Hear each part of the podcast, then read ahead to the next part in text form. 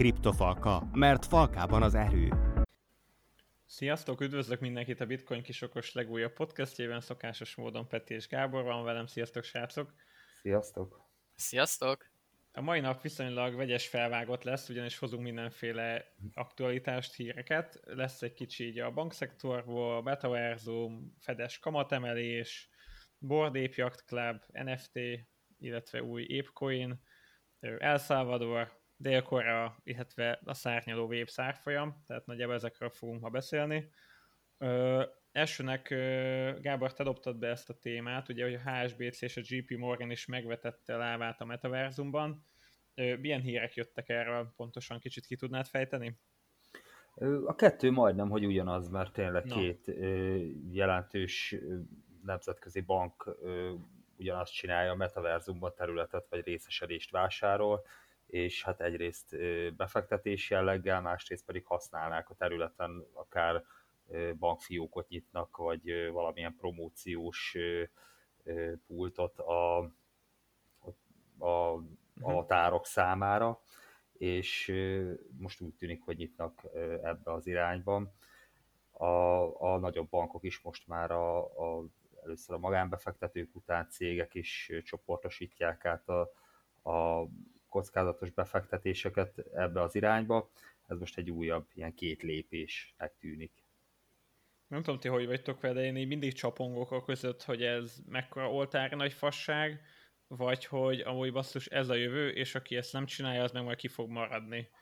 És itt az jut eszembe, amit talán pont mondtam, hogy van egy a Crypto memories az egyik marketinges kolléga, aki kb. 20 éve foglalkozik marketinggel, és akkor mesélte, hogy annó kinyomtatott a 90-es években egy honlapnak a képét, és akkor azzal házalt, hogy csinálj honlapot, mert hogy ez lesz a jövő, hogy te honlapot, honlapon leszel fönn, és akkor onnan tudnak majd mindenféle csinálni az ügyfelek, és akkor mondta, hogy kb. a konverzió az így a nullához közelített, és inkább így kinevették őket, hogy ez mekkora fasság, és hogy, hogy mindig így vagy úgy vagyok, hogy ez most tényleg tök hülyeség, vagy hogy tényleg az lesz, hogy nem is honlapra fogsz fölmenni, hanem becsatlakozol egy ilyen képzeletbeli világba, ahol kb. így, így sétálgatsz, és akkor ugyanúgy egy honlaphoz, vagy valamilyen tartalmat elérsz, csak nem olyan formában, mint most, hogy egy weblapot nézel, hanem kicsit így, így inkább, mint hogy egy digitális világban lennél, és ott fogsz elmenni a Mekibe, és onnan rendelsz, és akkor kihozzák házhoz. Tehát, hogy nem tudom, ti ezzel hogy vagytok? Én most azt futtattam végig a fejemben, hogy hogy elképzelhető, hogy amúgy az a hozzáállás, vagy az a terv, hogy, hogy több lábon próbálok megállni, tehát hogy egyrészt itt vagyok jelen a valós világban, másrészt jelen vagyok a virtuális világban. Az egy taktika lehet olyan szempontból, hogy, hogy megvetem magamat a virtuális világban is, mert mi van, hogyha, hogyha tényleg az lesz a jövő, tehát hogy a metaverzumban nagyon sok lesz a kereslet a jövőben, vagy a metaverzumon keresztül nagyon sok lesz a kereslet a jövőben, és hogy viszonylag alacsony költséggel, igazából most ezt meg tudják tenni a nagyobb cégek, és úgy vannak vele, hogy maximum, hogyha ez nem jön be, akkor, akkor elköltöttek erre egy picit, de hogy, hogy, hogy az jobban fájna, hogy most nem költenek rá semennyit, és a jövőben mégis bekövetkezik. De utána még eszembe jutott az, hogy, hogy azért én itt nézegettem, hogy különböző ilyen metaverzum platformoknál mennyibe kerülnek ezek a parcellák, és hát brutál, brutál drágák, tehát hogy, hogy nem nagyon lehet azt mondani, hogy olcsón megúszszák a, ezek a cégek a, a parcellavásárlást, mert sokszor egy-egy ilyen kis, kis, kis, tényleg ilyen kis terület több ezer dollárba kerül. Tehát, hogy valószínűleg több tízezer vagy százezer dollárt kell kipengetni, hogyha egy ilyen nagyobb területet szeretnél, meg akkor azt, azt menedzselni kell valahogy, akkor marketingeseket oda fel kell venni, tehát mégse olyan nagyon olcsó, de én ezt tudom elképzelni, hogy, hogy inkább most bevállalnak egy kvázi kisebb összeget, azért, hogy a jövőben ők is ott legyenek, és elmondhassák, hogy mi már itt voltunk 2022-ben is. Tehát, hogy maga a hozam az viszonylag nagy lehet, a rizikó az meg annyi, amennyit most belefektet, tehát ezt igazából ő határozza meg, hogy mennyit szán erre, és akkor azt mondod, hogy igazából a hozam rizikó aránya az viszonylag nagy, és ezért valamennyit így rádob. Hát pont, hogy, hogy alacsony a hozam rizikó olyan szempontból, hogy, hogy keveset kockáztat, és nagyon nagy a, a nyeremény, ami, amennyit tud, tud, tud szerezni. De ö, ugye nézőpont kérdése, hogy most én kimennék pengetni több tízezer dollárt ilyenért. Én valószínűleg nem, de akiknek nagyon nagy a bevételük, ők, ők, ők ezt lehet megmerik csinálni. Igen, meg tényleg az a kérdés, hogy mondjuk tíz év múlva, tehát hogy biztos volt annó is ilyen, hogy én nem megyek a internetre, mert hogy az butaság, tehát hogy ilyen kicsit ilyen maradi hozzáállás, és hogy nekem nem is kell weblap, most meg ha te neked van egy weblapod, jól beseózod, és Google-be legelő vagy, akkor te árulhatsz mondjuk orszíjat, vagy bármit, igazából azzal, hogy te fönn vagy az interneten, meg a nem tudom, Google-be, eldől, hogy neked egy jó bizniszed lesz, vagy szar és hogy mi van, ha mondjuk tíz év múlva tényleg hasonló lesz, hogy igazából az ember nem kinyitja a laptopot, és akkor egy kétdés síkot néz, és akkor kattingat weblapok között, hanem kicsit egy ilyen digitális 3D-s világban lesz, ahol ugyanolyan ott lesz a Meki, ott lesz mondjuk az Index, és, és igazából nem is weblapok között kattingatsz, hanem csak ott buklászol, és betérsz a Mekibe, és rendelsz valamit, és akkor hozza a futárházhoz. Tehát, hogy, hogy lehet, hogy, hogy ott fogsz így úgymond böngészni az interneten, csak igazából közben a metaverzumban így mindent tudsz csinálni, és ha meg ott nem lesz benn valaki, akkor lehet, hogy kimarad, és megint hasonló helyzet lesz, mint aki mondjuk az internetet annó egy kicsit benézte. Mint ha nem menne ki a házból, még Aha. az internet előtt. Igen. Hogy am, amik történnek, azok, azok máshol vannak. De a, ezek a nagy bankok ö, egyébként kockáztatnak ebben, de nem feltétlenül így a külön bevételükből teszik, hanem a saját tőkéjüket kockázatosabb, meg kevésbé kockázatos dolgokban tartják, tehát valamekkora részét átteszik ebbe, amit egyébként meg lehet, hogy ilyen feltörekvő startupokra dobnának rá, hogy nem tudom, minden tizedik esetleg tényleg jó lesz, és, és annyira nem, tehát olyan összegeket tehetnek ilyen nagyon új dolgokba, amit egyébként annyira nem féltelek. Hát meg hogyha százalékosan megnéznénk, akkor biztos, hogy 0,0x százalék. Tehát, hát, hogy... Az a 10 ezer dollár, igen, az nem tűnik egy túlzata jelentősnek egy ilyen JP Morgannél. Igen, tehát hogy lehet, hogy még nem tudom hány exotikus hasonló valami befektetés, ez is csak egy a sok közül. De azt szerintem tényleg így jó kérdés, hogy, hogy lesz ezzel olyan, hogy aki lemarad, az kimarad, vagy nem tudom, hogy mondjuk pontosan, de hogy, hogyha most úgymond nem kapcsolsz, vagy mondjuk öt év múlva nem kapcsolsz, akkor tényleg az úgymond eldönti, hogy te akkor most sikeres leszel, vagy nem. Volt már ilyen a Second Life-ban, ami szintén ilyen metaverzum-szerű dolog volt, nem tudom, hogy még működik-e, kriptó előtt, vagy talán a, nagyon a legelején, és ott, ott ténylegesen ö, talán volt Burger King, vagy reklámja neki, tehát hogy a cég az beszállt pontosan azért, hogy a játékosoknak a szeme előtt legyen ott akár egy óriás poszter. Tehát szándék van rajta, meg rajta van a szemük a cégeknek ezen, az mivel hogy nem terjedt el az elmúlt, nem tudom, 10-10 év, valahány évben, azért az pont bukó volt valószínűleg abba beletenni, de, de előfordulhat, hogy pont az volt a problémája, amit egyébként egy decentralizált blokklánc meg kiküszöböl.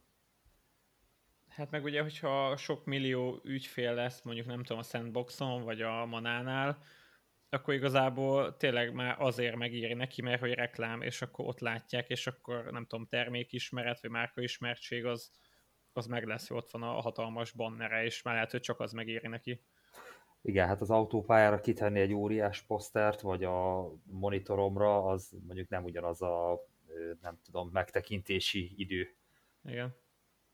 Igen, csak a, az online tér az meg sokkal jobban skálázható. Tehát, hogyha összehoznak valami olyat, ami, ahova nem tudom, 5 millió felhasználó tök könnyen be tud csatlakozni, akkor úgymond 5 millió ember látja azt a valamit. Igen. És lehet, hogy az 5 millióval még nagyon keveset is mondok. Tehát, hogy Hát attól függ, melyik év valószínűleg, Igen. majd később visszatekintve erre. Igen. Na, Gábor, te mondtál még, hogy volt egy hasonló másik téma, ez az ETF, a metaverzum, metaverzum alapú ETF, hogy hagyományos tőzsdéken listáznak hasonló termékeket? ETF-et listáznak, ami mögött mindig valamilyen különböző ágazat áll, ilyen index jelleggel, és most, amit a londoni értéktősdén bevezetnek, az, az a metaverzum lesz. USA-ban van ilyen, meg Dél-Koreában is, tehát az nem olyan, hogy nagyon ilyen forradalmi dolog először a, először a világon, csak most a londoni tőzsdén is elérhető lesz, valószínűleg ugyanaz a törekvés, mint amikor belevásárolnak a projektbe, hogy ö, alapkezelők pedig azzal foglalkoznak, hogy megnézik, hogy hogyan lehet ezt egy ilyen tőzsdén kereskedhető ö, alapba összerakni úgy, hogy megbízható legyen, és, és indul a londoni tőzsdén. Hm. Érdekes. Mondjuk nem tudom, hogy, hogy ez az ETF ez mit ad így hozzá, tehát hogy, hogy miért ne vegyek, nem tudom, mondjuk szendet, vagy manát, vagy hasonló coinokat, és miért vegyek inkább ETF-et egy londoni tőzsdén, ahol majd lehúznak jó sok fível, meg mindenféle költséggel. Hát ez... te vegyél szendet meg manát, viszont a, a nyugdíj alapok például, meg a vállalatok, akik így nem vehetnek kifejezetten, mert Aha, hogy mások pénzével ugye ö, ö, alakítják ki a portfóliót, ott, ott ö, ezt konkrétan nem feltétlenül tehetik meg londoni tőzsdén, viszont hogyha be van listázva a szem, meg a mana ilyen formában, akkor megtehetik, van rá költség, majd jól tovább költségelik nyilván azoknak, akik náluk forgatják a pénzt, és akkor tényleg a, mi így magánszemélyként jobban járunk, hogyha konkrétan megveszünk a bitcoint is, mint a bitcoin ETF, ETF-et, és ez, ez most gördül tovább a történet metaverzumra imádom ezt, amikor nem bitcoint veszel, hanem becsomagolom valamivel, hogy az nem bitcoin, és akkor veszek olyat, és akkor én már nem is kriptóba fektetek. Tehát, hogy, hogy nem is tudom, ti mondtátok amikor valamikor beszéltük, ugye, hogy, hogy a, a MicroStrategy-be fektet nem tudom melyik cég, valami viszonylag nagy tőkével, mert hogy ő amúgy kriptóba nem fektethet, de hogy a MicroStrategy-ből meg fektet, ami egy eléggé kriptokitett cég, tehát hogy ilyen ilyen közvetett kriptovaluta befektetések is egyre népszerűbbek.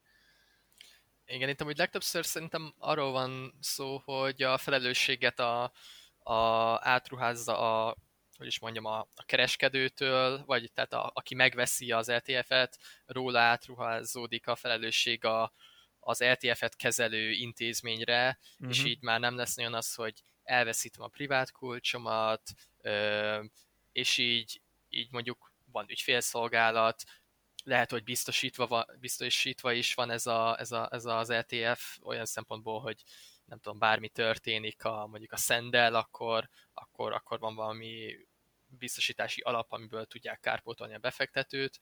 Um, én ilyeneket tudok elképzelni.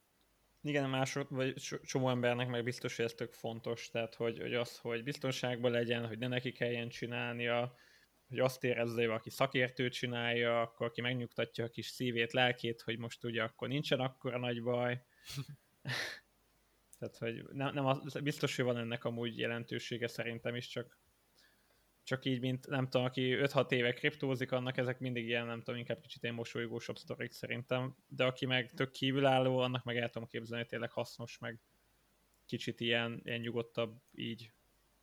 Uh, amúgy meg még azt teszem hozzá, hogy viszonylag um, ilyen közvetetten a, a, a benfent, vagy nem a benfentes, hanem a, a régi törzsgyökeres kriptósoknak is ez jó, mert így is azért terjed a, a híre, hangja a bitcoinnak, és így olyanok is be tudnak fektetni, akik mondjuk nem fektetnének be. Tehát így eljut intézményekhez, nagy tőkével rendelkező egyéni személyekhez, tehát hogy, hogy ez ilyen szempontból közvetetten a, a, az átlagos kereskedőknek is jók, akik közvetlenül veszik meg a mondjuk bitcoint, vagy, vagy bármit.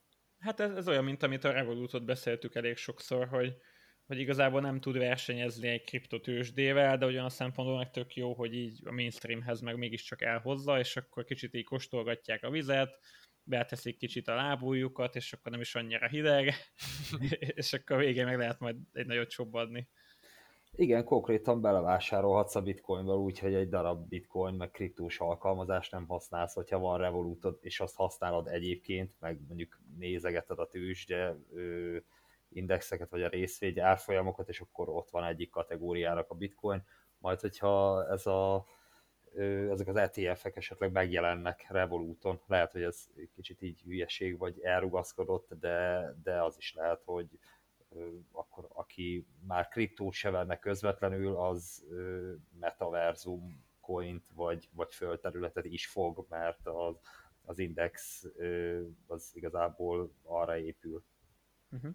Amúgy annyit akartam még hozzátenni, hogy van egy ilyen metaverzumos index, ami egy kriptovaluta, azt hiszem a token setsnek van, ahol a DPI meg az NFT is fut, tehát ö, ezek például ilyen DeFi pools, meg NFT index, ami azt csinálja, hogy súlyozza a legmenőbb kriptós NFT projekteket, és csak annyit tud maga az a coin, hogy ha te veszel mondjuk egy DPI-t, akkor van benne Uniswapod, meg maker meg és a többi DeFi projekt, és akkor market cap szerint súlyozva, vagy tudom, hogy van ilyen metaverzumból is, ami, ami NFT, nem, mindjárt majd mondom, hogy milyen néven, milyen tickerrel fut, de hogy, hogy tudom, hogy van ilyen is, igazából az lehet még így hasznos annak, akit ez a szegmens érdekel, mert akkor megint az van, hogy nem egy projektbe fektetsz, és akkor vagy bejön, vagy nem, hanem kicsit így magára a szegmensre fogadsz, hogy ennek van jövője, vagy nincs jövője.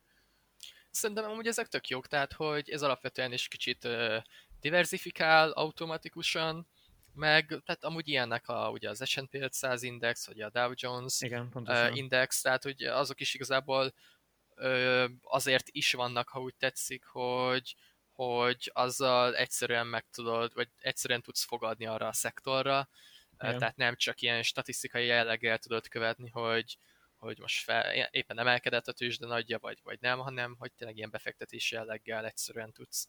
Igen, közben megnéztem, amúgy Metaverse Index néven fut, MVI a ticker, 125 dollár, amúgy a csúcs az 330 volt, tehát az elég jelen van jelenleg, és például ez úgy néz ki, hogy hogy a 20%-a az Illuvium, az ugye NFT-s játék, 15% Sandbox, 13% Mana, X Infinity Engine, és akkor utána jönnek ilyen Audius, meg mindenféle kisebb nevek. Mondjuk ezekben nekem mindig az a vicces, hogy igazából amit felsorolnak, az elfutna NFT index néven is, tehát például, vagy, vagy ilyen GameFi indexen, mert például az XI, meg az Illuvium, azok ugye mind játékok. Egy kicsit összefolyik a kettő igen, egy idő igen, után. Igen, tehát hogy Metaversum Index, de amúgy NFT-s játék van az első helyen.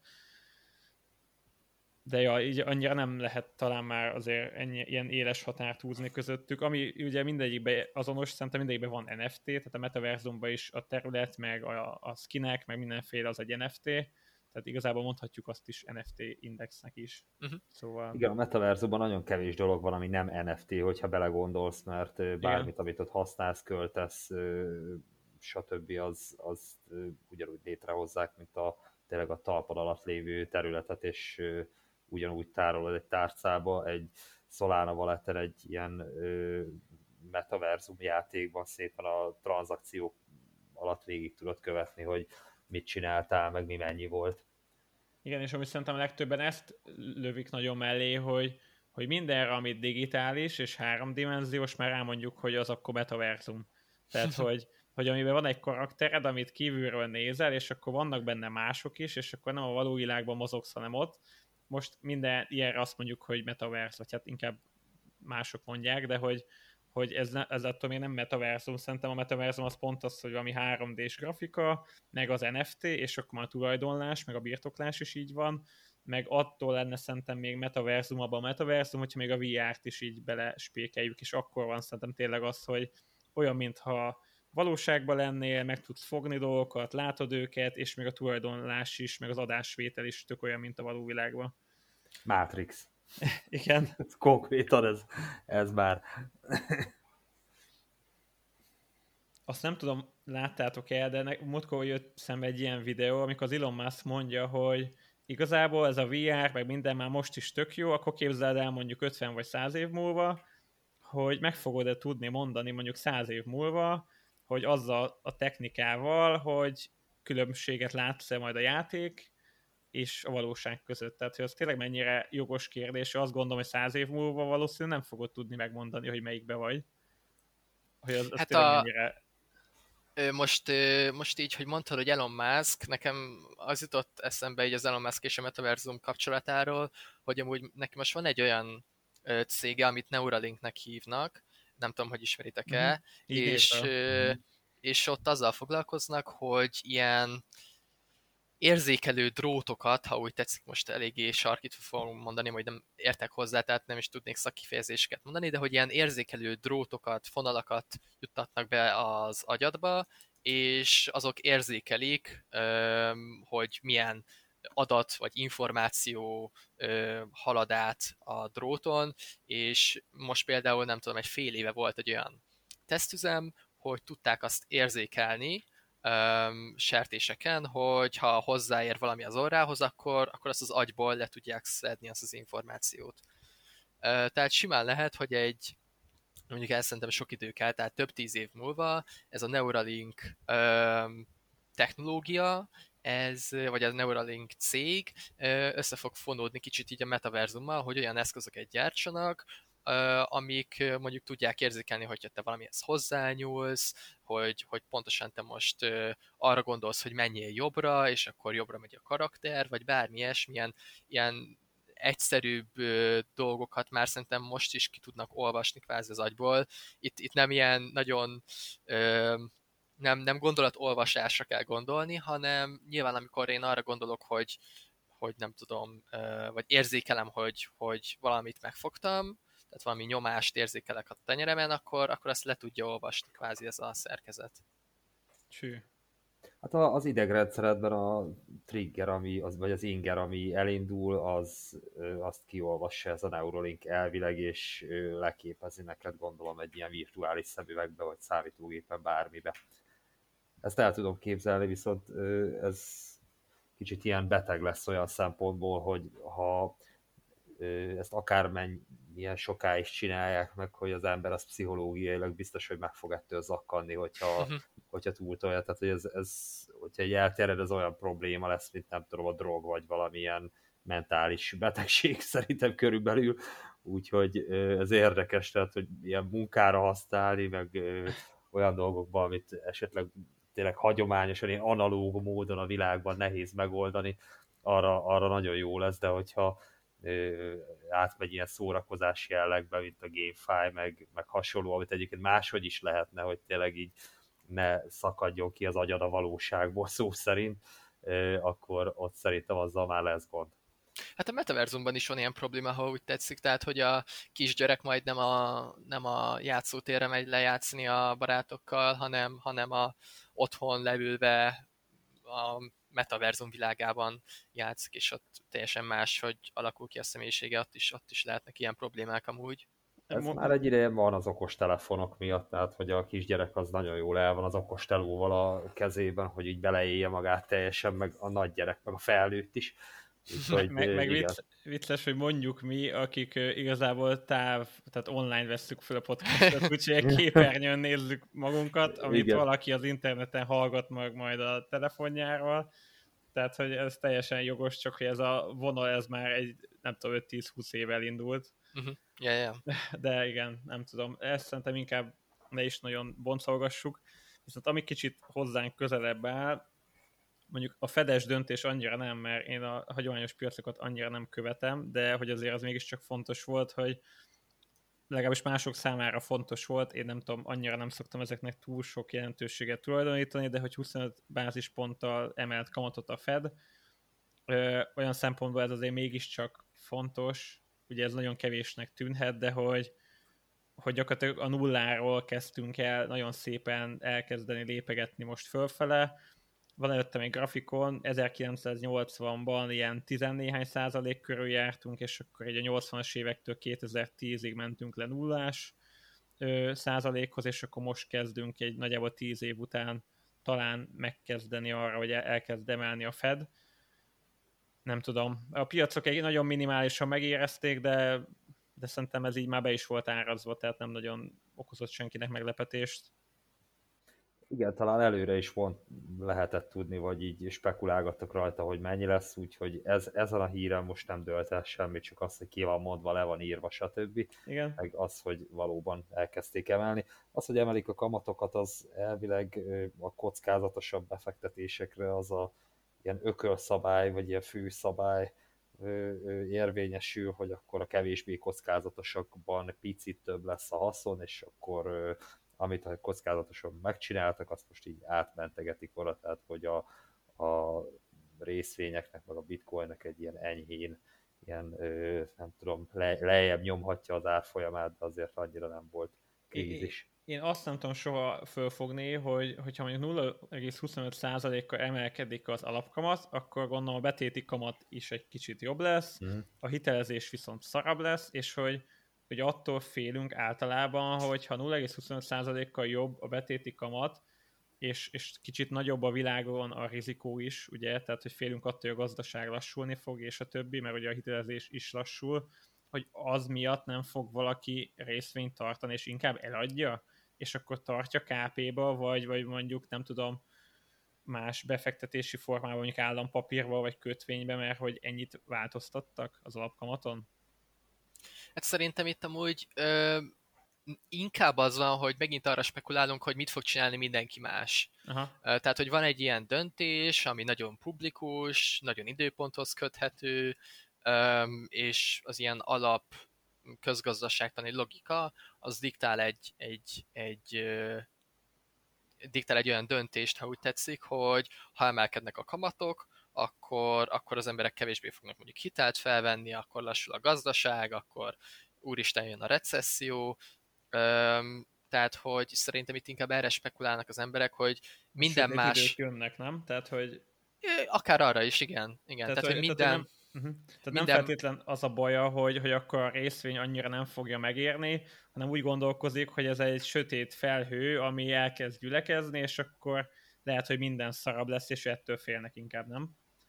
Ettől is félhetnek, tehát a, a, ha megnézzük a múltkori, vagy a, a historikus adatokat, hogy, hogy, hogy mik történtek akkor, amikor a Fed elkezdte növelni a kamatot, akkor, akkor így talán nagyon általánosságban kiemel, vagy elmondható, hogy rövid távon a tőzsde esett. Ez mondjuk hosszú távon nem feltétlen igaz, de, de abban a pillanatban, abban a piaci momentumban ott a kereskedők egy picit beárazzák ezt, vagy, vagy érzékelik uh-huh. ezt az egészet, ha úgy tetszik. Igen, csak itt van egy dupla ugrás, hogy az alapkamatról átugrunk így a részvénytősdére, hogy ott mi fog történni, és onnan még tovább ugrunk a kriptotősdére, ahol egy olyan dolggal kereskedünk, ami majdnem azt mondom, hogy full független, sőt én majdnem azt szoktam mondani, hogyha alapvilágban a fiat pénzek gazdaságába szarul mennek a dolgok, az igazából a bitcoinnak szerintem csak jó.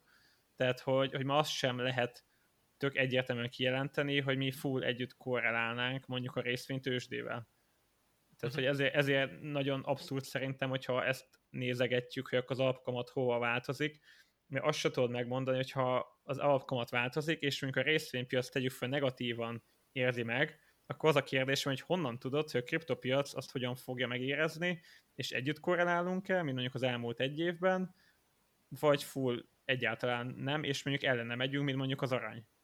Tehát, hogy, hogy, hogy, hogy ez szerintem annyira sok változós, hogy ebből túl sok infót nem tudsz le, levonni. Nem, ez a két oldala a dolognak, hogy ki hogy gondolkozik. Igen, aki mondjuk régebb óta kriptózik, és több ilyet látott, az inkább vételi jelzésnek gondolja ezt, de egyébként meg az általános befektetői hangulat, a Fear and Greed Index, a globális, az változik ettől, és a bitcoin, meg a, a részvényeknek az árfolyamára ez meg hatással van, tehát hogy uh-huh. van benne egy ilyen, egy ilyen közve, vagy egy ilyen dupla ugrás, vagy még több ö, akár, de ö, végső soron az egész az ö, egy nagy ilyen nem tudom, pszichológiai mhm. viselkedésé válik, és az meg közvetlenül visszahat mindenre.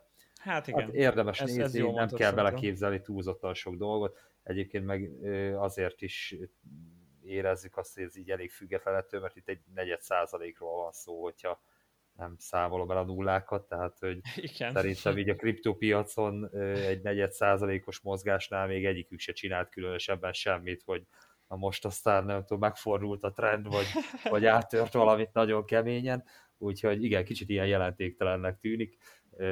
Nem is lesz ez szerintem téma nagyon sokáig, amikor aktuális, meg kihirdetik, akkor, akkor megy egyet, aztán mindenki nézi a csártokat, vagy a többiek is nézik-e. Igen, igen. Ja.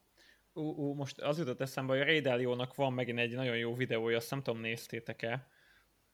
Amiben arról ír, hogy így a múltban így hogyan voltak az uralkodó nemzetek, és akkor hogyan jöttek így a ciklusok. A Changing World Orders, vagy Aha, valami igen, igen, igen, igen. Azt uh-huh. nem tudom, néztétek el, szerintem tök izgi, meg tök jó.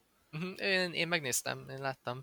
Um, ja, nagyjából arról volt szó, hogy hogy mikor van úgymond ilyen világhatalomváltás, tehát hogy, hogy nem tudom, sokáig a britek voltak a, a úgymond világvezető hatalma, aztán most jelenleg Amerika, és hogy nagyon úgy néz ki, hogy Kína most gyorsan tör a felszínre, és hogy elképzelhető, hogy, hogy ő lesz ez a következő nagyhatalom, aki átveszi a vezető szerepet és a vezető valuta szerepét, meg ilyeneket. Meg ami szerintem izgi volt benne, ugye hoztaték a hollandokat, a briteket, meg így a nem tudom, a korábbi nagyobb nemzeteket, és hogy tényleg így a szekvenciák, hogy akkor nem tudom, elindul egy jó oktatással, vagy nem, kezdő, vége van az előző korszaknak egy hatalmas háborúval, utána elindul egy kicsit békeidőszak, jó az oktatás, mindenki kicsit megnyugszik, lehet építkezni, akkor így nagyon fölfut minden, akkor össze-vissza mindenhova terjeszkedünk, és akkor nő, nő minden is, és akkor mindenhonnan behúzunk tőkét, amivel még jobban fölfut az egész, és egy ilyen kb. létrejön egy ilyen kisebb buborék, azt már nehéz utána föntartani, és akkor tényleg így kb. így hozott elég sok ilyen hasonló ö, múltbeli példát, hogy, hogy ez hogyan alakul, és ugye itt a hitelezés, meg így a, a pénznek, a kemény pénzeknek így a szerepe is ebbe tök erősen benne volt, és, és szerintem tök érdekes így, így gazdasági oldalról ez az egész, hogy esetleg tényleg a dollár hogy fog majd hanyatlani, meg hogy eddig miért volt jó Amerikának ennyire, hogy ugye a dollár volt így a vezető kemény valuta, ha mondhatjuk egyáltalán annak, tök izgi szerintem esetleg érdekes, érdemes lehet megnézni. Viszont van egy kicsit ide kötődő témánk, ami annyi, hogy a héten már egyezhető a 10 éves bitcoin kötvény El Salvadorban. Ugye azért nyilván nem várnánk azt El Salvadortól, hogy, hogy ezzel majd ő lesz a következő nagyhatalom, de hogy, hogy én nagyon azt látom, hogy El Salvador tényleg húz egy ilyen dupla vagy semmit, ugye így a kriptóval, meg a bitcoinnal, és tényleg így elég durán ráugrik, és hogyha ez így bejön neki mondjuk 5-10 éves távlatba, akkor lehet, hogy tényleg így a, nem azt mondom, hogy nyomorból, de az alsóbb szintekből lehet, hogy tényleg elég magasra fog ugrani.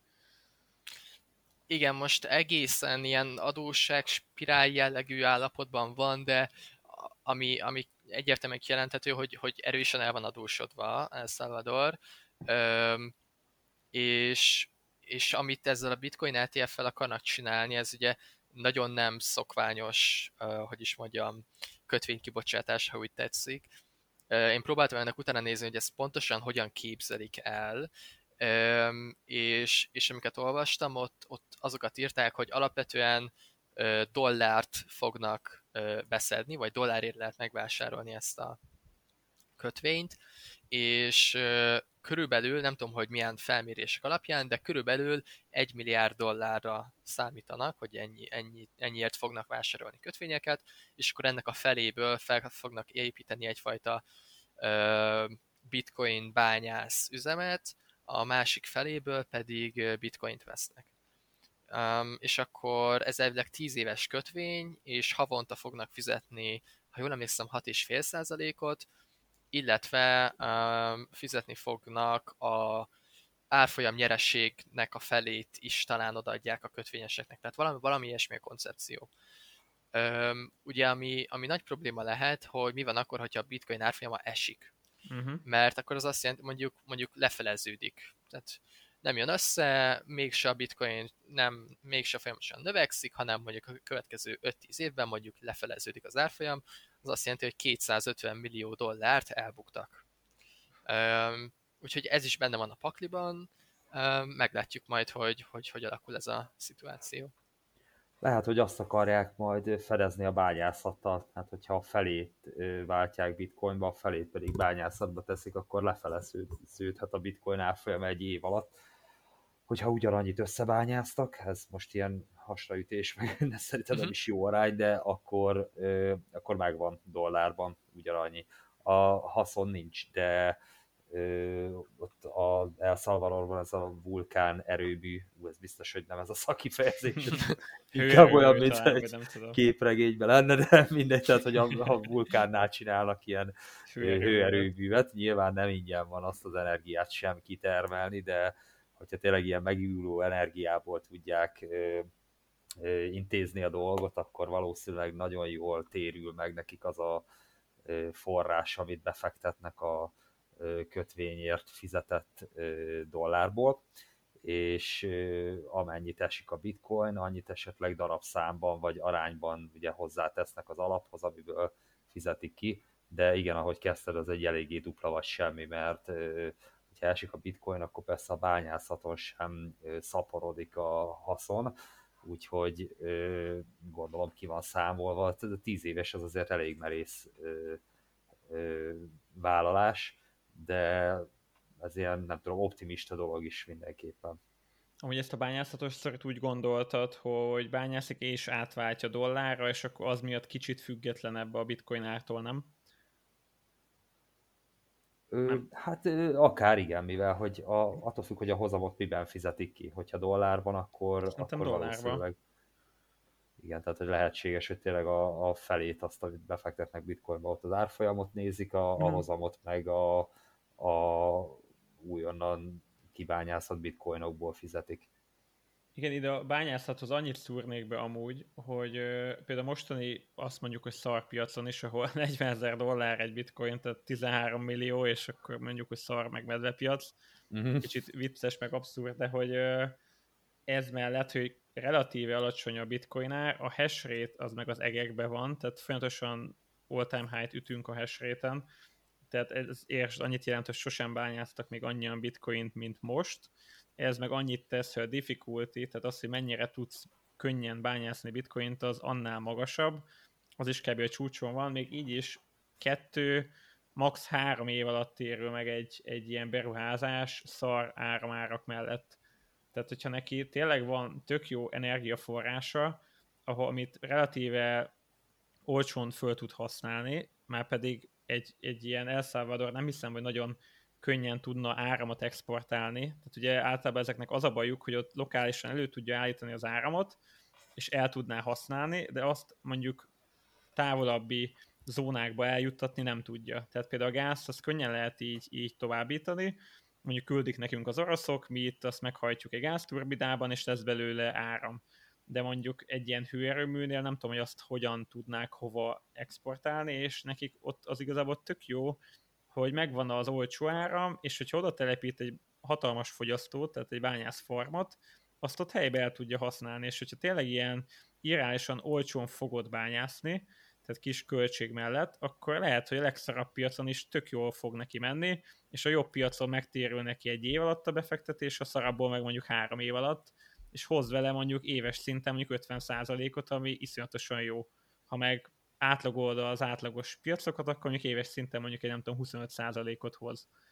Ami meg még mindig iszonyatosan jó, szóval én nem látom azt, hogy hogyan tudnának ezzel nagyon mellélőni, hogyha a fundamentumok tényleg adottak, és lesz nekik ott jó sok olcsó ára. A, én, mint magánszemély, amit ők csinálnak, azt, azt, azt mondanám, hogy akár, hogyha nekem meg lenne a tőkém, azt én is megcsinálnám. Ugye a nagyon nagy különbség jelenleg az az, hogy, hogy ők úgy kvázi úgymond egy, egy államként működnek, tehát amikor, amikor ők valamilyen rizikót vállalnak, akkor nem csak ugye a saját kockázatukat, vagy nem csak a saját pénzügyi problémájukat tágítják, hanem, hanem az egész népét, akik, akik ott laknak, és ezért volt, nem tudom, ezért szólt az IMF is nekik, hogy hát azért ez kicsit rizikós, ezt óvatosabban, ezt nem kéne, de mint, mint magánszemély, szerintem ez egy jó taktika tud lenni, persze. Igen, tehát tényleg eléggé dupla vagy semmi, igen, tehát hogy azt azért mi is mindig mondjuk, a kriptó az egy elég rizikós valami, és hogy tényleg egy egész országnak a tőkéjével rizikózni, az tényleg azért elég meredek, de, de igazából, hogyha racionálisan átgondoljuk, szerintem még mindig jól fognak ebből kijönni. Kíváncsiak, majd térjünk rá vissza tíz év múlva.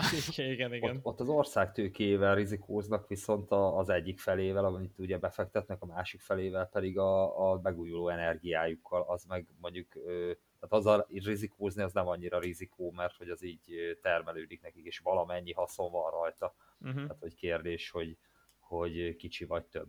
Meg hogy amúgy úgy, úgy talán egy picit nyugodtabb nekik, igen. Igen, tehát mert ha amúgy se használná föl, mert azt az áramot nem tudná eljuttatni oda, ahova kéne, hanem az ott állna parlagon, akkor úgymond tökre igen. megéri neki, mert most oké, okay, beruház valamennyi összeget, és az neki a rizikója, de tehát ennyi, ennyi, ennyi fel tudja használni, mert a hőenergiát nyilván nem viszi el onnan, viszont hogyha ott van egy transformátor, akkor, akkor áram formájában viszik tovább, uh-huh. de az drága, tehát hogy, hogy a főleg megújuló, megújuló energiából, mire elkerül egy B pontba, akkor annak a költsége már nagyobb, mint tehát a, a, a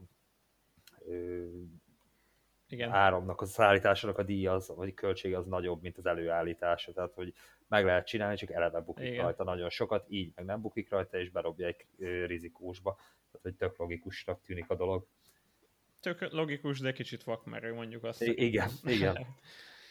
ja, na, egy másik kicsit vakmerőbb téma, hát még annyira nem is, tehát, hogy ö, egy kis NFT, hogy ma is legyen NFT, hogyha már volt egy olyan adásunk, ami NFT-mentes adás volt, hogy ugye a Board Ape Yacht Club, ami talán azt hiszem most a top 2-es NFT projektnek talán lehetne mondani, nem tudom, hogy most melyik a legnagyobb market képes, mert mindjárt ránézek, de hogy az anyag, hogy a Board Ape az kb. így mindig is ilyen dobogós így az elmúlt időszakban, kiadott egy saját coint, ami épp néven fog futni, ez konkrétan annyira friss, hogy így a mai napon március 17-én fogják elvileg listázni, nem tudom, Binance-en, OKX-en, Krakenen, tehát ugye ez az ApeCoin, ez a, az NFT-s menő közösség alapítóinak a saját coinja lesz.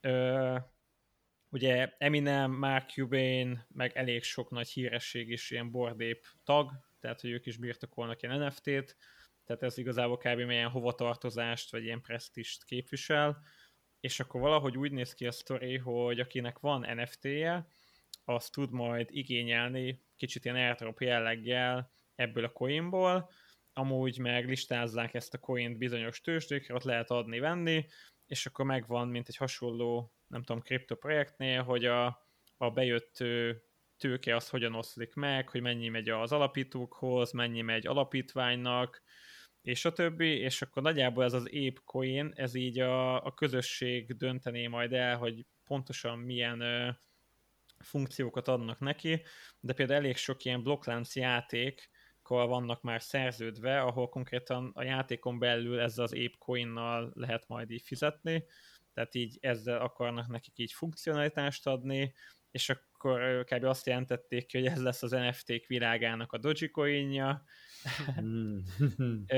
én nem tudom, én így, így, így nagyon érdekesen várom, mert nagyon kíváncsi leszek az árfolyamra is, mert ami van, hogy a bordépes közösség az iszonyatosan nagy, iszonyat tőkeerős, tehát ott rengeteg tőke van, és azt is gondolom, hogy iszonyat hype-ot fognak tudni keríteni, ha már csak azt megnézzük, hogy kb. egy nap alatt bekövették őket 80 ezeren Twitteren, és az összes tőzsde sorra hozta le, hogy akkor hamarosan listázzák őket, tehát a Binance, a Kraken, az OKX, a kicsik, tehát hogy, hogy szerintem lehet, hogy születik az új, nem tudom, Hypecoin? Um, amúgy, a, hogy a szavaidból kivettem, te is azért gondolom úgy látod ezt, hogy ha nem lenne mögötte ez a nagyon nagy közösség, akkor valójában nem, nem lenne érdekes ez az egész uh, új token kibocsátás, ami valójában nagyon nagy értéket fog valószínűleg ennek a tokennek adni, az a már meglévő erős közösség és erős brand, amit képítettek ezzel az NFT-vel kapcsolatban, uh, amit képítettek az influencerekkel, ha úgy tetszik, hírességekkel együtt. Uh, úgyhogy itt, itt, itt egy ilyen, egy ilyen erős hálózati hatás összejött, illetve a, a közösség ereje és annak a hit, hit ereje. Ér, értem ezt a Dogecoin-os hasonlatot, mert ö, ugyanaz, amit Peti is mondott, hogy kell egy brand, amire ráépítik az egészet, az, az csak egy mém volt igazából, mondjuk, ö, ha jól tudom, akkor abban az évben indult, amikor Kínában a kutya éve volt, és kicsit ilyen nem kicsit babonás jelleggel indult meg ott a hatalmas vásárlás, ugye ők az új évkor így ilyen piros borítékokban pénzt adogatnak egymások, kb. olyan, mint nálunk a locsoló pénz így a, a gyerekeknek, és akkor ezt így poénosnak találták sokan. És itt is az van, hogy valamilyen, valamilyen nagyon sokakat érdeklő, egyébként sok pénzt érő dologra rátenni egy ilyen coint, és ez a Board Ape Club, ez pont egy ilyen dolog most így a világban, hogy sokakat érdekel, és sok pénz van benne, úgyhogy tessék rá egy coin.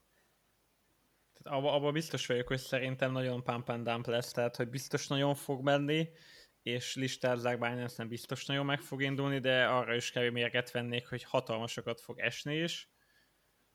De nem tudom, én mindig valahogy az mellett vagyok, hogy hosszú távon viszont lesz neki jövője, és, és mi ott a hatalmas közösség, aki már így is támogatja, meg hype ezt az egész világot, én nem tudom, valahogy azt érzem, hogy ezek így fönn fogják tartani, és lesz neki értéke a jövőben, és főleg, hogyha tényleg gondolkoznak kicsit ilyen utility-ben, tehát, hogy mint amit írtak is, hogy blokklánc játékokban lehet majd használni termékekhez, szolgáltatásokhoz, tehát, hogyha tényleg okosan megcsinálják úgy, hogy ott van mögött az erős közösség, akkor szerintem lehet belőle egy jó coin. Nagyon furcsa lenne, hogyha ott lennének a több tízezer dolláros NFT-k, és egy, egy ilyen pár milliós market cap rendelkező shitcoin. coin, shitcoin, tehát hogy, hogy, hogyha ez a szituáció lesz, akkor viszont szerintem az NFT-ket is magával rántja, amit Aha. meg most így furt, nehezen tudok elképzelni, tehát hogy, hogy én is inkább azt az opciót látom most ö, ö, valósnak, hogy, hogy azért valamennyire sikeresnek kell lennie lennie, hogy jól csinálják a marketinget. Gábor, mit szerettél volna? A, a marketinget már igazából elég jól csinálták így, hogy rákasztották két ilyen, ilyen jó NFT kollekcióra. Nekem hasonlít, a, amihez korábban említettük, ez a metaverzumos ETF, hogy nem konkrétan az NFT-t veszed meg, de akkor valamilyen módon így vásárolsz ilyen digitális tokeneket, ami valamilyen módon kapcsolódik a, a Board Ape, meg Yak Clubhoz, meg a Mutant Ape Yak Clubhoz, ami van mögötte és így tudod próbálgatni kicsiben, erősen korrelál, de azért nem ugyanaz. Tényleg nem biztos, hogy egy ilyen NFT-ből túl sokat tudnék most venni hirtelen az Apecoinból, meg lehetséges, hogy valamilyen töredéket össze lehet hozni. Kíváncsi vagyok, hogy mekkora darabszáma, meg kapitalizációval indul. Mondjuk az hát, majd az ár szorzatával lesz. Na, érdekes. Csak mondom, hogy közben itt nézem a, az OKEX-et, és hogy most listázták már OKX-re, 8 dollár körül megy jelenleg. Aztán mire kimegy ez a podcast, meglátjuk, meddig fog elmenni. És tudjuk, mm. hogy mennyi token hogy van most forgalomban, vagy ezt még nem? Mm. A Coin Market cap már a tizedik. Nem, nem. Amúgy nevezd, de 51 jelenleg. Nem mondod. De. Az komoly. Mutatja. Ja, tényleg hirtelen 567-szer, 685%-ot emelkedett. Na napon. hát akkor live-ban lemaradunk az Apecoinról, 49 most egy ráfrissítettem, halad szépen. Igen. Durva. Oké. Okay, hát, hát ez a mai nap ez nagyon vad lesz neki egyébként, úgyhogy ez, ezt azért hagyjuk. De igen, ez így lehet, hogy majd a top, top 100-ba most így megfordul, és így bekerül a közbeszédbe. Igen, menjünk tovább szerintem kicsit hasonlóbb témával, ami szárnyal a Waves árfolyama. Ugye itt a Waves coinról van szó, ahol elég sok új frissítés jött, hogy itt tudjuk, hogy pontosan mi áll ez mögött, Peti, te azt hiszem ebben jobban benne vagy, hogy... Um, igen, a Coin Telegrafon jött ki egy cikk még, még hónap elején, ahol leginkább három eseményt mondtak, ami, ami mozgatja jelenleg az árfolyamot. Az egyik az az, hogy, hogy a Waves-nél van egy ilyen 1.0-ról 2.0-ra váltás, ami sok mindenről szól, de amik a legfontosabbak, azok talán az EVM kompatibilitás, illetve a különböző okos hálózatok közötti átjárhatóság megteremtése, ugye ezek a bridge-ek, ilyen hidaknak szoktuk nevezni ezeket a megoldásokat, hogy hogyan viszünk át tőkét, meg tokeneket egyik hálózatról a másikra. És akkor emiatt, emiatt is van egy nagy árfolyam emelkedés, a másik, ami, ami egészen az árfolyam emelkedési tehát az árfolyam megemelkedését uh-huh. előző nap jött ki, hogy kötöttek egy szerződést az Allbridge, talán, talán így hívják a, azt a céget, az Allbridge-el, akik meg fogják ezt a bridge-elést valósítani. És ugye ez azért jó hír, mert az, ugye az EVM kompatibilitással tényleg nagyon könnyen lehet majd olyan okos szerződéseket, meg projekteket felvinni erre a, a, a platformra, amiket már így megszoktunk így az okos hálózatokon. A, a bridge-eknek köszönhetően pedig tud majd oda tőke vándorolni. Tehát ugye hiába van egy jó hálózat, hogyha nem nagyon tudunk tőkét oda, oda vinni, tehát hogy um, most így meg, meg létrejönnek ezek a feltételek. Um, és hát azóta nem tudom, ilyen 240%-ot emelkedett egy, egy hónap alatt tehát uh, eléggé, eléggé ment. durva. Ja, a, a harmadik hír, csak hogy akkor most már teljes legyen a kép, az pedig, hogy lesz egy 150 milliós uh, befektetésük uh, Amerikában. És azt ami azért lehet kicsi. tudni, hogy mibe, vagy hogy... Um, hát most itt gyorsan nézem a hírt. Um, Addig, addig annyit amúgy, hogy én is néztem a Waves-et, tehát itt csak így a grafikont, és már láttam, hogy tényleg egy kicsit így annyira nem tűnt organikusnak, amit ott művel, tehát hogy ugye itt a kriptofalkában elég sok árfolyamot ö, szoktunk nézni, meg így napi szinten én is megosztom, amiket látok. Most így az altcoinok piaca amúgy is eléggé lájtos volt, vagy inkább ilyen kicsit ilyen, ilyen nyuggeresebb időszak, tehát hogy, hogy nem sok lehetőség volt, de én mindig egy-két alti tényleg így teljesen előtt a többiektől, aztán is pont néztem a vészt, hogy ez itt mi, mert hogy itt tényleg bármiféle előjel nélkül jött egy hatalmas pumpa, aztán igazából Peti mondta, hogy jött ez a fundamentális változás, tehát így tényleg azt gondolom, hogy így a TA, meg a hírek, meg a fundamentális elemzés, igazából ha mindegyikkel képbe vagy, meg mindegyikre figyelsz, akkor az egy elég jó kombót tud adni.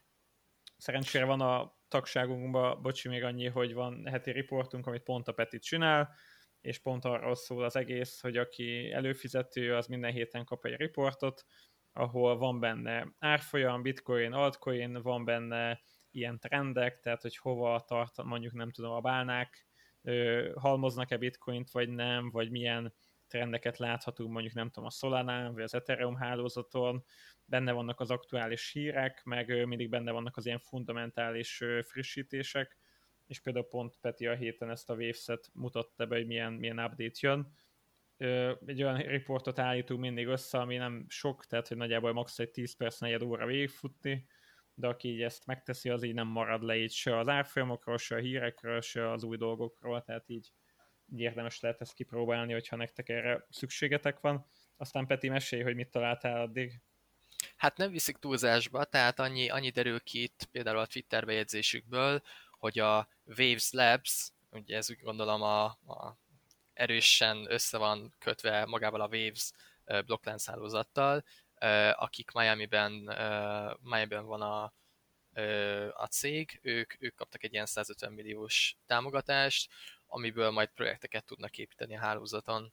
Ugye mindig, uh-huh. amikor, amikor, amikor, amikor felfutnak a, a blokkláncnak a, az applikációi, tehát amikor új projektek indulnak, akkor általában nagyon sokan szeretnek átmenni a, erre a blokkláncra, mert olyankor nagyon sok tőke áramlik ide, nagyon sok pénzt osztanak ki kamatként, hogy mondjuk nem tudom, a decentralizált tőzsdékbe bevonzzák a likviditást, mert annál jobb egy tőzsde, minél több ott a, a pénz. Úgyhogy ezért szoktuk ezeket figyelni, hogy éppen még projekt, még hálózat frissít, mert mert ott tényleg általában jó lehetőségek vannak, amiket így el lehet kapni, akár csak itt pár hét erejéig. Uh-huh. Igen, valószínűleg majd jönnek a DeFi platformokra ezek a, a Waves-re bridge coinok, amiket a nem tudom, Ethereum-mal párban lehet farmolgatni, és így, ahogy mondtad, az, az elején, amíg feltöltődnek a púlok, és aki csatlakozik rá korán, az, az talán ö, le tudja aratni belőlük. Nyilván a legnagyobb kockázattal, tehát hogy még mindenféle múlt nélkül, de, de ugyanúgy, főleg ezeken az agregált ö, DeFi platformokon ahol ilyen 6-7 hálózat közül választhatsz, bejön a Waves, és ott is lesznek majd poolok, és ez nyilván közvetlenül és közvetetten is a, a Waves-nek a kapitalizációt, vagy legalábbis a keresletét fogja növelni.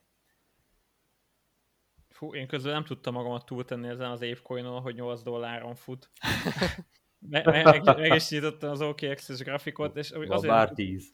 Nem, nem, nem, még mindig 8,07 körül mozog, de hogy közben nézem a saját cikkünket a CryptoFalkal oldalán, hogy az NFT tulajdonosok egyenként körülbelül 10.000 tokent igényelhetnek. Tehát, hogy 10.000 tokent kap valaki, és 8 dolláron fut most egy évcoinnak az ára, az egyenlő 80 ezer dollár airdropot kap egy NFT tulajdonos? Ez, ez egy 24 misi. eddig. Igen. De sőt, ez több mint 25 misi. Igen, igen, igen, igen. Forintban, igen. forintban, bocsi, forintban. Igen, igen, persze. Jó, mondjuk hát egy, az... egy bordép is most csak mindjárt megnézem, de ilyen 70 eter körül szokott menni. Szóval 70 uh-huh. eterszer mondjuk nem tudom 2800 dollár. Az, is... az, hogy annyit igényelhettek max, azért lehet, hogy több mindentől függ, tehát hogy a, nem a floor price-os NFT-re hát... fog ennyit dobni, ez szinte biztos. Igen, meg ott sem mindegy, azt hiszem, hogy melyik épe van, tehát hogy ugye vannak ezek a mutant, meg mindenféle ilyen derivatívák mondjuk ennek, és hogy azt hiszem ott úgy volt, hogy az sem, az sem mindegy, hogy milyened van, tehát nyilván az olcsóbb az nem ennyit tud igényelni.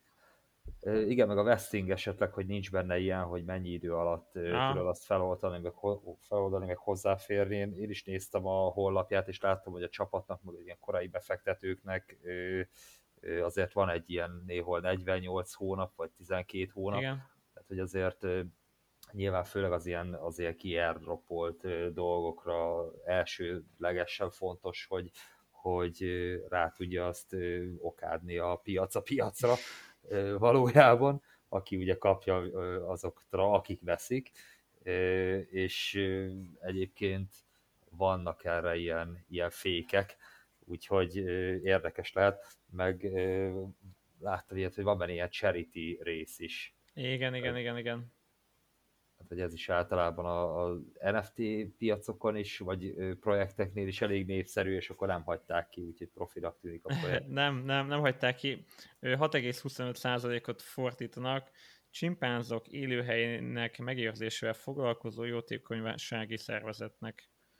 Igen, hát bajmos NFT csimpázok járnak jól. Igen, igen, igen, igen. Hát és ekkora market cap akkor egy-két csimpánz jól fog járni, ha ez így is marad, tehát hogy nyilván arra azért nem nagyon van ö, bármiféle, nem tudom, garancia, hogy ez tényleg ennyit is fog érni, jelenleg ennyi nyitott nagyjából, és ami még durva, hogy még Binance-en nincs kint, tehát elég azt hiszem 15-30-kor fog nyitni.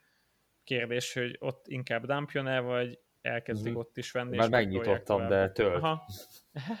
Egyébként ez lesz az a projekt, amivel a csipázok meg a majmok jobban fognak járni, mint az emberek, mert hogy ők ugye nem tudnak bukni rajta, hiszen charityből megkapják, de aki Ennyi. megveszi és dump lesz, akkor az jobban járt volna, hogy egy majomként veszi ki a részét a, a sztoriból. Úgyhogy igen, azért majd vigyázni kell. Ez biztos. Akkor úgy néz ki, a majmok mindenképp jól járnak. Így az adásunk végére egy utolsó hír, ami vagy aktualitás, hogy Dél-Koreában kriptobarát elnök nyert, hogyha jól tudok mindent ezzel kapcsolatban. Ugye Dél-Korea kicsit ilyen kétes, mert hogy ott azért az ilyen digitális dolgok, meg ugye a bankrendszer szerintem eléggé előjár. A kriptót már egy 17-ben is, 17-18-ban is szabályozták, de inkább ilyen tényleg az ICO-kat, meg inkább így az ilyen nagyon-nagyon rizikós dolgokat. Tehát nem lehet azt mondani, hogy teljesen ilyen tiltó nemzet, meg néha egy kicsit így támogatja is, tehát hogy ott inkább én azt látom, hogy így akarják szabályozni, de valami egészséges módon. Kíváncsi leszek, hogy így, hogy kicsit ilyen kripto közeli lesz a vezetőség, így, így milyen irányba fognak elindulni. Reméljük, hogy nyilván arra, amerre nekünk is ideális. Hát kampányigéretek azok voltak bőve nyilván, tehát hogy ez, és ő a demok, nem is a demokrata, a konzervatív párti jelölt volt, nem a demokrata párti, ezt így pont fordítva várnád, hogy hm. a másik oldal nyitna erre.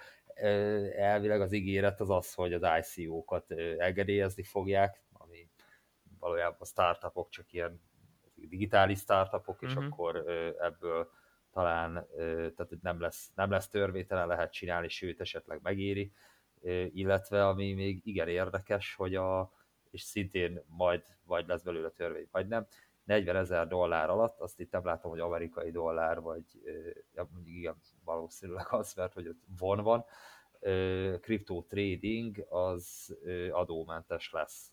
Wow. Tehát, hogy trédelhetsz 40 ezer dollárnál kevesebbet, hogyha kiveszel belőle évente magánszemélyként, akkor hát ez az ígéret, hogy szavazatok rám, és akkor ingyen van a, nem tudom, közteherviselés, de ez, ez úgy eléggé barátinak tűnik. Érdekes Amúgy, ennek hangzik, igen.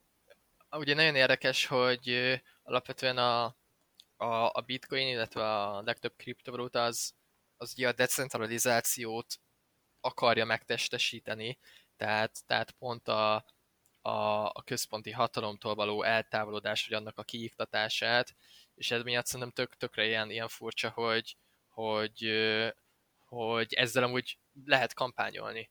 Tehát, hogy, hogy azzal kampányolok, hogy én amúgy egy decentralizált valamit elismerek, meg támogatom, bár mondjuk lehet, hogy pont, pont ezt a bizalmat kelti, vagy, vagy ezt a um, hogy is mondjam, hogy ők, ők engedélyezik, tehát ők nem akarnak annyira ö, elutasítóak lenni azzal kapcsolatban, ami nem az ő hatalmuk vagy befolyásuk alá uh-huh. esik.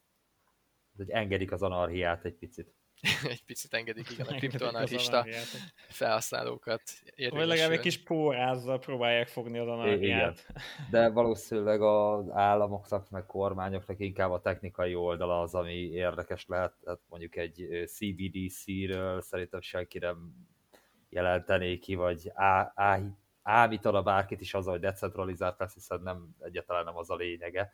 Meg az ICO-k is olyanok, hogy persze kiadja az ember a saját coinját, de azért ott már van egy bejegyzett cég mögötte, ami szintén az államnak adózik, vagy tőle kapja az engedélyeket, de, de ilyen centralizált, vagy hát ilyen kontrollált, vagy kontroll alatt lévő dolgok is, mint mondjuk egy nemzeti digitális pénz, vagy a országban induló startupok, azok is jól tudják használni a kriptót, csak nem pont a decentralizált jellege miatt, hanem azért, mert a tudom, nemzetközi utalásaik, vagy a, vagy a biztonsági garanciáik azok jók, és akkor miért ne?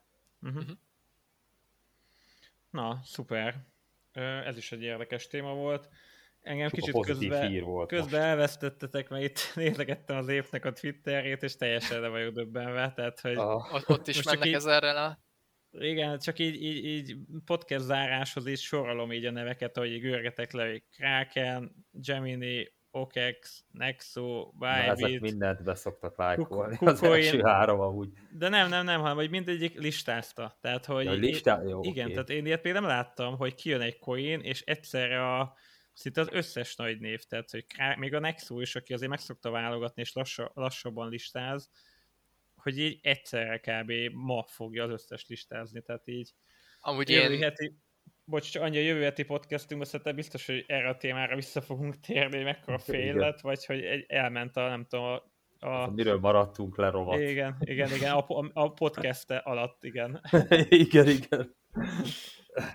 Én nem úgy meglepődnék, hogyha ez nem lett volna meg előre lezsírozva, tehát hogy hát biztos szerintem... Le van, persze hogy oda mentek azért a fejlesztők, hogy srácok, listázzátok már a coinjunkat, és akkor valami, valami megállapodást kötünk, vagy azért, azért ez nektek is tök jó lesz, mert mindenki más is listázza, tehát hogy csak ti maradnátok, igen, igen, nem listázzátok, vagy nem tudom, valami ilyesmi.